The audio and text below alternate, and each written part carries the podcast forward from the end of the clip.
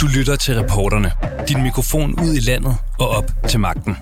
Vi giver dig de største historier, insisterer på svar og udstiller de halve sandheder.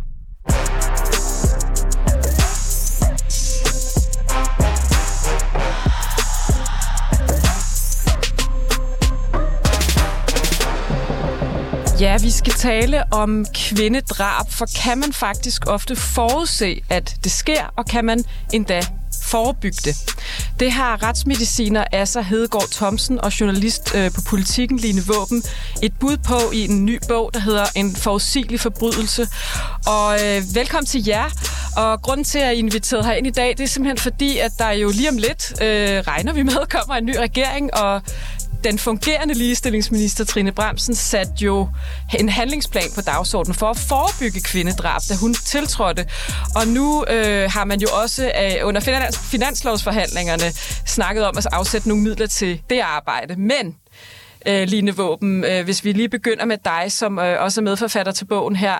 Øh, synes du, der er skub nok i det arbejde? Jamen, jeg, jeg synes jo, man, man som det første skal, skal lykkeønske politikerne for at have fået øje på et, et forholdsvis overset problem, og, og det, at de har et ønske om at gøre noget ved det, er jo super positivt.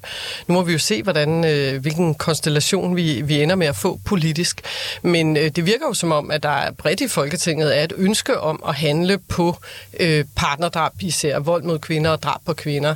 Øh, men når jeg ser den handlingsplan, så, så synes jeg nok ikke, den er ambitiøs nok, og jeg synes også, der mangler noget, at den bygger på noget viden, og ikke mindst så mangler der initiativer til at indsamle bedre viden og flere tal på det her område, før man handler. Og det er jo så faktisk noget af det, du, altså Hedegaard Thomsen, har gjort. Jeg skal lige øh, sige, at jeg hedder Sanne Fanø, og jeg er ny vært her på Reporterne. Jeg overtager roret på mandag i næste uge, bare så I ikke sidder derude og tænker, hvem er hun? Øhm, øh, jeg, øh, jeg, ja, jeg er med herfra på mandag. Øhm, vi skal snakke lidt mere om handlingsplanen senere i det her interview, fordi det er jo lidt det, der er det aktuelle. Men I har også for nylig udgivet den her bog, og altså Hedegaard Thomsen, du er jo retsmediciner, ja. og du har faktisk siddet og kortlagt drab fra 92 til 2016. Øhm, og hvorfor er det egentlig, synes du, øh, relevant at se på kvindedrab specifikt? Fordi der bliver jo stadig slået flest mænd ihjel i Danmark. Ja, altså det er jo ikke nogen konkurrence om, hvem der er slået flest ihjel. Øh, vi har valgt at tage udgangspunkt i det med drab på kvinder i vores bog, fordi det er en øh, afgrænset stor gruppe, øh, som har nogle øh, fællestræk. Og så har vi haft øh, en følelse af, at de får egentlig ikke lige så meget eksponering, de drab, som nogle andre mere spektakulære drab i bandemiljøer for eksempel. Så vi vil egentlig prøve at kaste lys på en, en gruppe af drab, som hænger nogenlunde sammen, og som, som er ret stor, og som man måske ikke hører så meget om. Hvor udbredt er kvindedrab egentlig i Danmark på de her øh, år, hvor du har undersøgt det? Jamen, det er cirka en tredjedel af alle dræbte. Det er kvinder, og to tredjedel det er mænd. Øh, så det er, jo, det er jo relativt hyppigt. Og så er der jo det specielle med, at øh, drab på kvinder især foregår i familien, mens øh, drab på mænd foregår også i familien, men ikke lige så hyppigt som øh, drab på kvinder. Og altså gerningspersonerne, når kvinder bliver dræbt, øh, hvem er det typisk? Altså har du en eller anden form for profilering, altså bare sådan helt overordnet køn og så videre? Ja, så det gælder som alle andre drab, at det er mænd, der står for det meste. 9 ud af 10 gerningspersoner, det er mænd, og det gælder også øh, drab på kvinder, det er endda lidt mere end 9 ud af 10. Øh, det er 95 procent. Øh, det er sjældent, at kvinder slår øh, kvinder ihjel. Når kvinder slår kvinder ihjel, så er det øh, kvinder, der slår øh, små børn ihjel, typisk.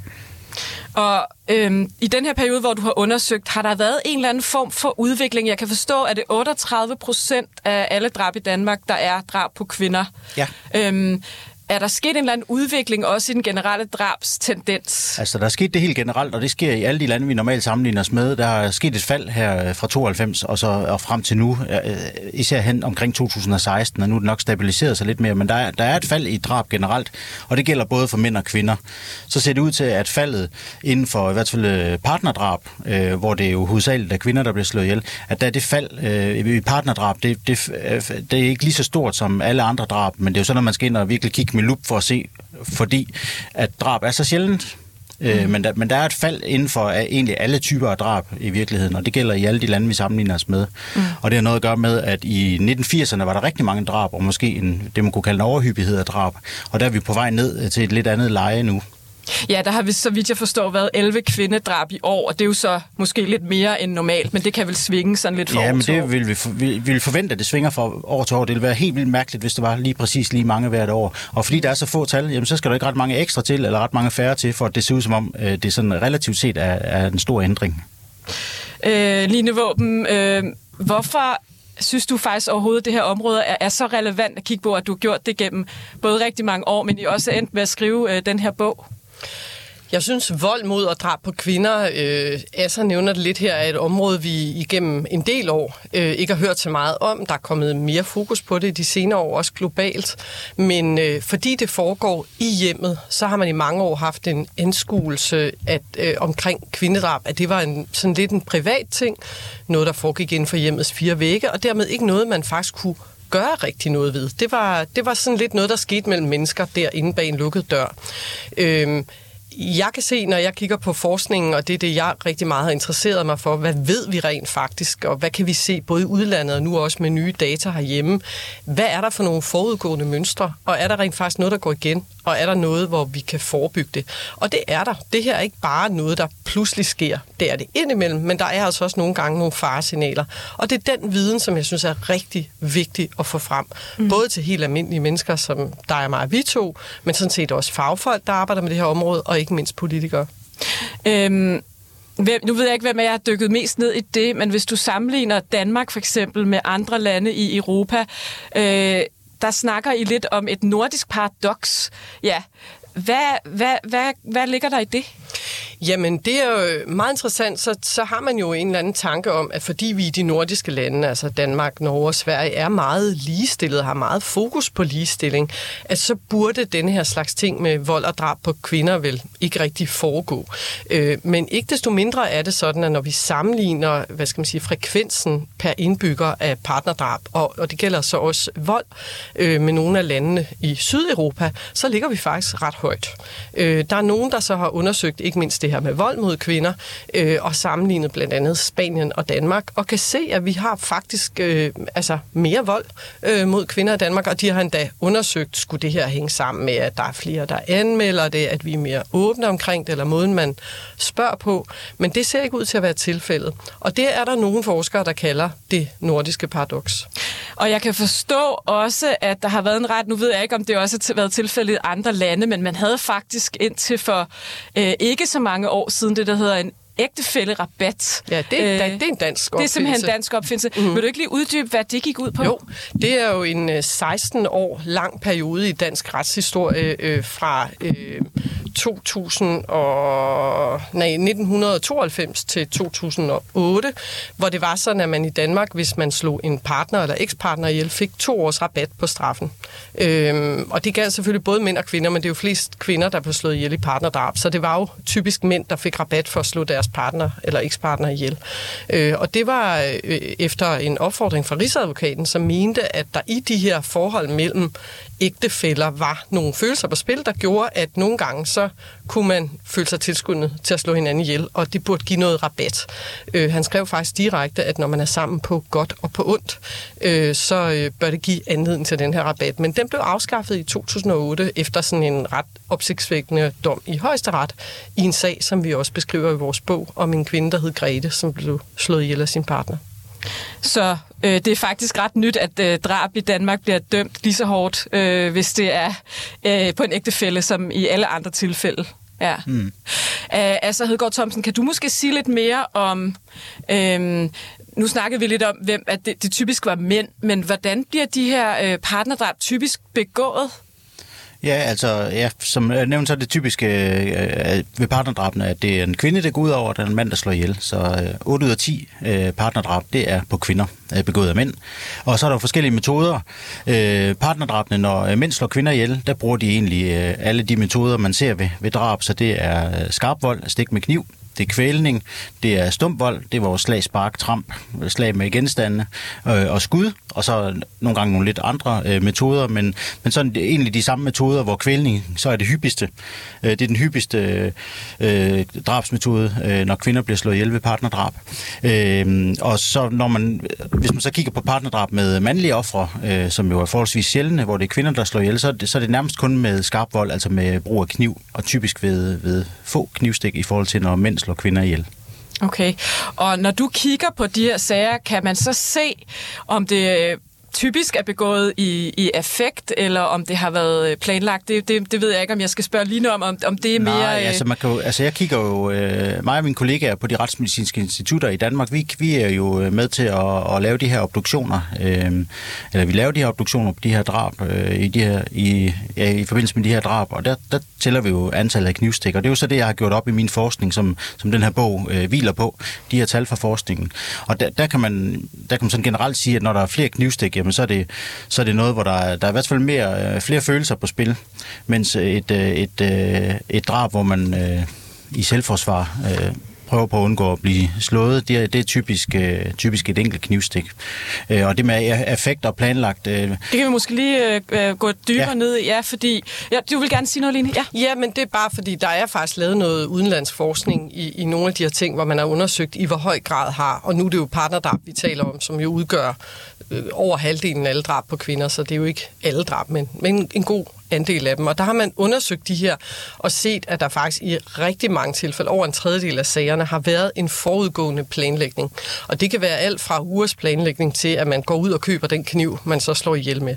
Men det er klart, det er jo ikke alle drab, der er planlagte, øh, men rigtig mange af dem er. Øh, og det man også kan se er med de såkaldte familiedrab, det er der noget hollandsk forskning, der viser, altså familiedrab, hvor en typisk en far slår børn og kone og sig selv ihjel, at de er i 9 ud af 10 tilfælde nøje planlagt. Så lad os dykke lidt ned i det, fordi det er jo netop derfor, øh, I kalder jeres bog en forudsigelig forbrydelse.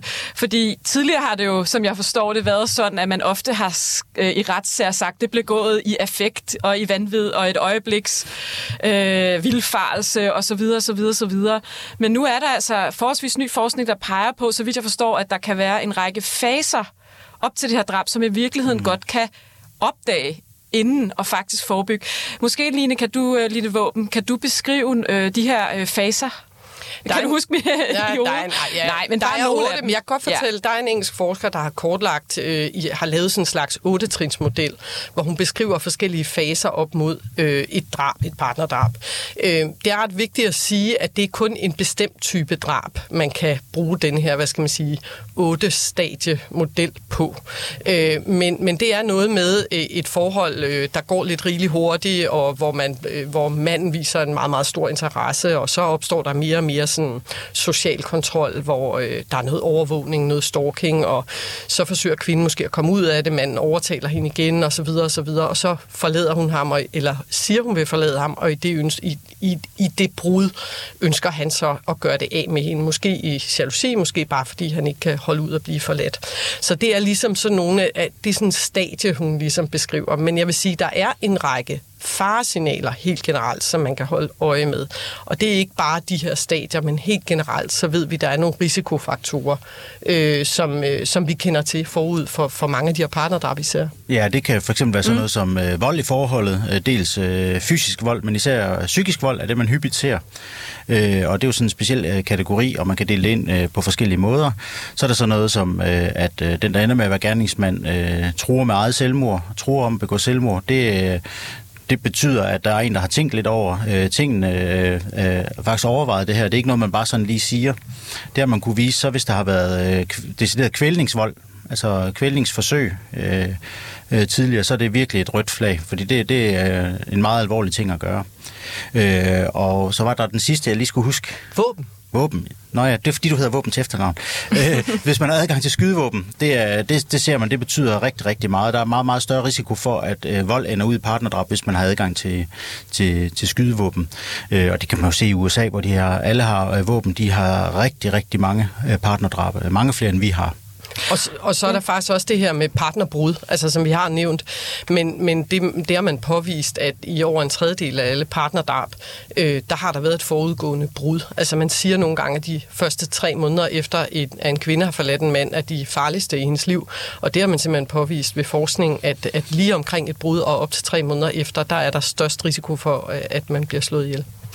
Nu kan jeg forstå, øh, altså Hedegaard Thomsen, at mange af de her øh, gerningspersoner, ofte mænd, øh, måske ikke nødvendigvis tidligere har været straffet før, så kan man overhovedet, nu snakker vi om forebyggelse, kan man jo egentlig overhovedet sige noget øh, generelt øh, i grove træk om gerningsmændene øh, i det her tilfælde? Det er faktisk ikke noget, jeg ved ret meget om, må jeg sige, for jeg kigger jo nærmest kun på dem, der, er, der har været udsat for noget. Øh, men der er jo de, lige de ting, vi Men lige har talt om. Men måske så om offrene, fordi så kan jeg høre Line om gerningsmændene bagefter. Ja, jeg ved jo heller ikke så meget om, altså præcis om offrene. Altså jeg kigger jo især på skader, folk har og kigger på, øh, hvor mange øh, lesioner de har. Så, så det er nok Line, vi skal spørge Jamen, så spørger, så spørger vi Line. Mm. Altså, der er lavet forskning i gerningspersoner, igen partnerdrab, hvor man inddeler dem i, i fem forskellige typer. Øh, og, og der har man sådan en type, der er den voldelige gerningsperson, som er en person, der har begået ja, fysisk og ikke mennesk, øh, altså psykisk vold. Forud for drabet, så har man en psykisk syg gerningsperson. Det sker jo også, altså folk, der simpelthen ikke ved, hvad de gør. Så taler man om en øh, gerningsperson, der begår i en form for selvforsvar, eller i hvert fald efter længere forudgående vold. Her finder vi typisk den kvindelige gerningsperson, altså som har været udsat for en masse vold, og så ender med i selvforsvar og, og stikke øh, øh, måske sin partner. Øh, og så har vi øh, en gerningsperson, man kalder gerningsmanden uden håb. Øh, det er typisk en, øh, en, der ikke er tidligere straffet, som du nævner, og som man ikke kender fra kriminalitetsregistrene, som måske øh, lever et helt almindeligt liv i et parcelhus, men pludselig en dag slår måske hele sin familie ihjel. Og det kan være på grund af en udefrakommende trussel, for eksempel økonomisk ruin, fyring, den slags. Og så er der den sidste type, som ham, Jane Monckton Smith også har kortlagt i de her otte stadier, som er sådan den hævngærige, altså manden, der begår drab, fordi at han føler sig forladt, eller er meget jaloux, eller der er det her brud forud, eller, eller et aktualiseret brud, hvor kvinden har forladt ham. Så det er sådan gerningsmændene. Og hvis man så ser på offrene, så kan vi se, at der er en social slagside. Altså de her kvinder, selvom de kommer fra alle sociale lag, så kan vi se, at det har den, vender den tunge ende nedad. Mange af offrene har øh, sociale problemer, har øh, ja, været udsat for vold, øh, har misbrug måske, øh, psykiske problemer osv. Så hvis vi skal tale om den her øh, handlingsplan, øh, som en ny regering jo på et eller andet øh, niveau i hvert fald skal i gang sætte, det er i hvert fald øh, et arbejde, der er i gang, så vidt jeg forstår, så øh, hvordan kan man overhovedet forebygge et drab? Øh, er det overhovedet muligt? Ja, altså Hedegaard Thomsen. Ja, men i hvert fald i forhold til sådan en handleplan der, øh, og det er også noget, der står i det forslag, der er kommet, det er, at vi skal have nogle tal på det her. Øh, det kan ikke passe, at det er sådan en som mig. Øh, jeg sidder jo egentlig til at knivstik. Det er det, jeg går op i. At, at det, i forbindelse med, at jeg alligevel gør det, at man får samlet sammen, hvor mange partnerdrab er der egentlig. Der er lavet øh, mindre øh, studier af det øh, øh, på landsplan øh, med, med kortere overrækker inde ved Justitsministeriet, men der er for eksempel ikke alle dem med, hvor gerningsmanden begår selvmord eller de uopklarede drab. Og jeg synes godt, vi kunne være bekendt, og i hvert fald lige have tallene på sådan de overordnede kategorier. Det kunne være rigtig, rigtig fint. Så man ligesom, når man diskuterer, hvor stort er det her problem, så har vi faktisk nogle tal at, at tage fat i, i stedet for noget, man lige synes, fordi man har hørt, der er nogen, der har skudt efter nogen på en scooter et eller andet sted. Øh, fordi der er jo sådan en tendens til, at man tænker, at alt er bandedrab, og det er bestemt også et problem. Og der er også mange drabsforsøg og ting, der er meget tæt på at være drabsforsøg. Og det fylder noget, når det foregår på gader og stræder. Det er noget, folk er optaget af og gør folk utrygge. Men, men vi har jo en kæmpe klump her af drab, der foregår ude i de små hjem, som vi nærmest ikke øh, ændrer, fordi de får kort omtale. Øh, hvis, hvis det er en sag, politiet har styr på med det samme, jamen så går de jo ikke ud og spørger om alle mulige ting, fordi det foregår de, øh, i de små hjem, og, og der har de styr på, hvad det er, der er foregået. Øh, så det at få nogle tal, som hver gang vi lige øh, skal debattere de her ting, så vil vi lige hen og røre de tal og lige se, hvordan er det egentlig, det hænger sammen. Er det alt sammen bandedrab, eller er der faktisk en helt lille drab i familien? Så det er i hvert fald nummer et øh, fra mit synspunkt. Så for, mere forskning faktisk? Øh. Ja, eller mere bare opgørelse af tal. Vi skal have nogle tal. Vi kan ikke gå og synes ting. Vi skal have nogle tal. Og øh, Line, jeg ved, Line Våben, jeg ved jo også, at man især i Spanien har erfaring med den her forebyggelse. Hvad er det, man gør der, som, som man kopier, kopierer over i dansk regi, for eksempel? Jamen altså, vi behøver ikke engang tage til Spanien. Vi kan bare tage til Norge. Altså, de er meget længere fremme end os. Altså, Spanien er også Spanien, Norge og Sverige og sådan set også Storbritannien på nogle punkter. Altså noget af det, man blandt andet har gjort ud over til, øh, som Asser siger her, altså nogle klare opgørelser, øh, altså lave et, et klar, en form for watch, altså hvor man opgør de her ting. Så har man for eksempel i Norge og Sverige og Storbritannien lavet det, man kalder en slags partnerdrabs havarikommission, kunne man sige det sådan. Altså, hvor man undersøger drabene bagud for at finde ud af, er der nogle mønstre her? Er der noget, myndighederne kunne gøre bedre? Øh, I England har man noget, der hedder Domestic Homicide Reviews, hvor man simpelthen hver eneste gang, at der har været et drab i familien, så undersøger man, øh, samlet set NGO'er, pårørende, politi, øh, kommune, krisecentre. Hvad, hvad kunne man have gjort her? Og så fremadrettet finder man ud af, at der er nogen, der mangler undervisning. Skal vi have en oplysningskampagne? Den slags ting. I Sverige, der opgør man alle drab inden for familien. Socialstyrelsen gennemgår dem og ser på fem år tilbage. Hvad har der været i den her sag? Er der et sted, vi kunne gribe ind? Og det handler ikke om at skyde skylden på nogen. Det handler om, hvordan kan vi gøre det bedre fremadrettet. Og sådan en slags havarikommission for drab, det synes jeg, vi skal have i Danmark. Og næste skridt, øh, Line, efter at vi, øh, eller tredje skridt kan man vel sige, først nogle tal, øh, flere tal, eller i hvert fald man forholder sig mere til tallene, en havarikommission. Hvordan kan man reelt set gribe ind når man opdager nogle af de her faresignaler som samfund. Fordi jeg tænker, det foregår jo i privaten. Er det ikke utrolig svært at opdage det her? Jamen altså, vi ved jo, at der er rigtig mange myndigheder, der rent faktisk ved noget om de her ting forudgående. Altså, jeg har selv været med til at lave øh, en slags, øh, ja, en partnerdrabsdatabase på politikken, hvor vi har siddet og set på, hvordan har det set ud de sidste fem og et halvt år. Og vi kan dokumentere, at i en tredjedel af sagerne har der været nogle myndigheder, der har vidst noget. Det kan være politiet, sundhedsmyndigheder, socialmyndigheder osv. Så, så hvis det er, at der er nogle myndigheder, der får øjnene mere op for de her ting, så vil de kunne skride ind, hvis de kender faresignalerne. Så er der også en ting, vi slet ikke har talt om, og det er behandling af voldelige, øh, voldelige mænd. Mm. Altså, det er jo noget, man også satser meget mere på. Altså, der bliver brugt fem gange så mange midler på det i Norge, øh, hvor man simpelthen øh, behandler mænd, så det ikke kommer dertil. Det er også en vej at gå. Vi skal, vi skal snart til at slutte, altså Hedegaard Thomsen. Hvis vi bare helt kort tager det politiske perspektiv, så, så øh, var der jo en lille smule på finansloven, øh, hvor man satte nogle midler af til, jeg tror, det er det, der hedder skærpet underretningspligt. Øhm, nå, nej, men det er heller ikke så detaljerne er ikke så vigtige lige nu, men, men det, det er bare for at sige, det er vist, øh, så vidt jeg ved, et ud af øh, ret mange punkter, der kunne være i sådan en plan, som man faktisk reelt set er i gang med nu. Øhm, hvad tænker du, hvad vil jeres anbefaling være til en ny regering i forhold til lige præcis det her område, øh, når man nu skal sætte sig ned og, og forhandle et forståelsespapir eller et regeringsgrundlag, eller hvad det kunne være? Det er øh, skøn jer, men skøn jer langsomt. Altså, det skal ikke være noget magtværk, men der skal fart på alligevel. Øh, altså, man skal sætte sig ind i tingene, tale med fagfolk, høre, hvad det egentlig er, de anbefaler. Øh, og så må det godt gå lidt stærkt. Og Line, hvis du også øh, måske skal svare, Line Våben, hvis du også skal svare på det. Jamen, jeg synes jo faktisk det samme, øh, som Asser siger her, at man skal lave noget, der er baseret på viden og baseret på tal. Øh, det virker som om den handlingsplan, der blev fremsat her, det vigtigste var, at det gik rigtig hurtigt, fordi der var en stemning af, at nu skulle nogen gøre noget, øh, og man ville gerne komme med et udspil, inden at der skulle være valg. Øh, så jeg synes simpelthen, at man skulle starte med at læse vores bog, og øh, få nogle gode idéer der, og så sætte nogle flere fagfolk i gang, så man kan få en handling baseret på viden. Og så skal der afsættes nogle midler. Når vi ser på den handlingsplan, så er det næsten kun puljemidler og næsten ingen varige midler. Det kan ikke være rigtigt. Vi har i hvert fald en fungerende ligestillingsminister, som har sat fokus på det, da hun tiltrådte. Nu må vi se, om en ny regering vil gøre det samme. Altså, Hedegaard Thomsen, du har i hvert fald kortlagt, at fra 1992 til 2016 blev der begået 536 drab på kvinder. Og øhm, det kunne da være skønt, hvis vi kunne nedsætte eller nedbringe det tal noget. Øh, altså Hedegaard Thomsen og Line Våben fra Politikken altså Hedegaard Thomsen, retsmediciner, som har skrevet bogen En forudsigelig forbydelse. Tusind tak, fordi I kom i studiet, og jeg hedder Sanne Fanø. Du har lyttet til reporterne på 24 /7. Hvis du kunne lide programmet, så gå ind og tryk abonner hos din foretrukne podcast-tjeneste, eller lyt med live hver dag mellem 15 og 16 på 24 /7. Tips skal altså sendes til reporterne snablag 247.dk.